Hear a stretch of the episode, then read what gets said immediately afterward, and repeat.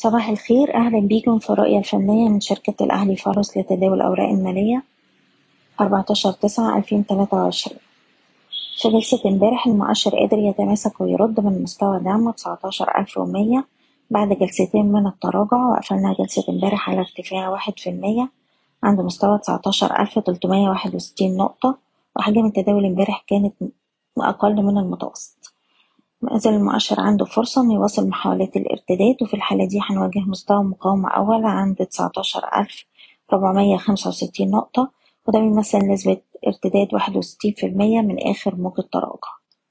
لو قدرنا نتجاوز المستوى ده الأعلى هيبقى عندنا فرصة كبيرة نعيد التجربة على مستوى المقاومة وأعلى قمة سجلناها عند تسعتاشر ألف ستمية ستة وسبعين نقطة.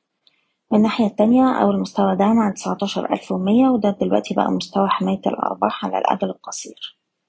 بننصح بالاحتفاظ ورفع مستويات حماية الأرباح لأقل مستويات اتسجلت في جلسة امبارح حسب كل سهم على حدة.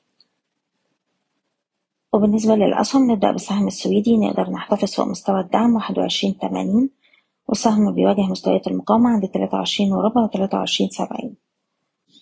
أوراسكوم كونستراكشن نقدر نحتفظ فوق مستوى الدعم المية وستاشر والسهم بيستهدف مستويات المية وعشرين والمية خمسة وعشرين جنيه. مصرية الاتصالات نقدر نرفع حماية الأرباح لأقرب دعم عند تمانية وعشرين جنيه. والسهم بيستهدف مستويات تسعة وعشرين ونص وتسعة وعشرين تمانين سهم النساجون نقدر نحتفظ فوق مستوى الدعم ستاشر عشرين والسهم بيستهدف مستويات سبعتاشر وسبعتاشر ونص. وأخيرا سهم القلعة أقرب دعم عند الاتنين أربعين وده أقل مستوى اتسجل في آخر تلات جلسات. والسهم بيستهدف مستويات المقاومة عند اتنين تلاتة وخمسين وباختراقها اتنين سبعة وستين. بشكركم وأتمنى لكم التوفيق.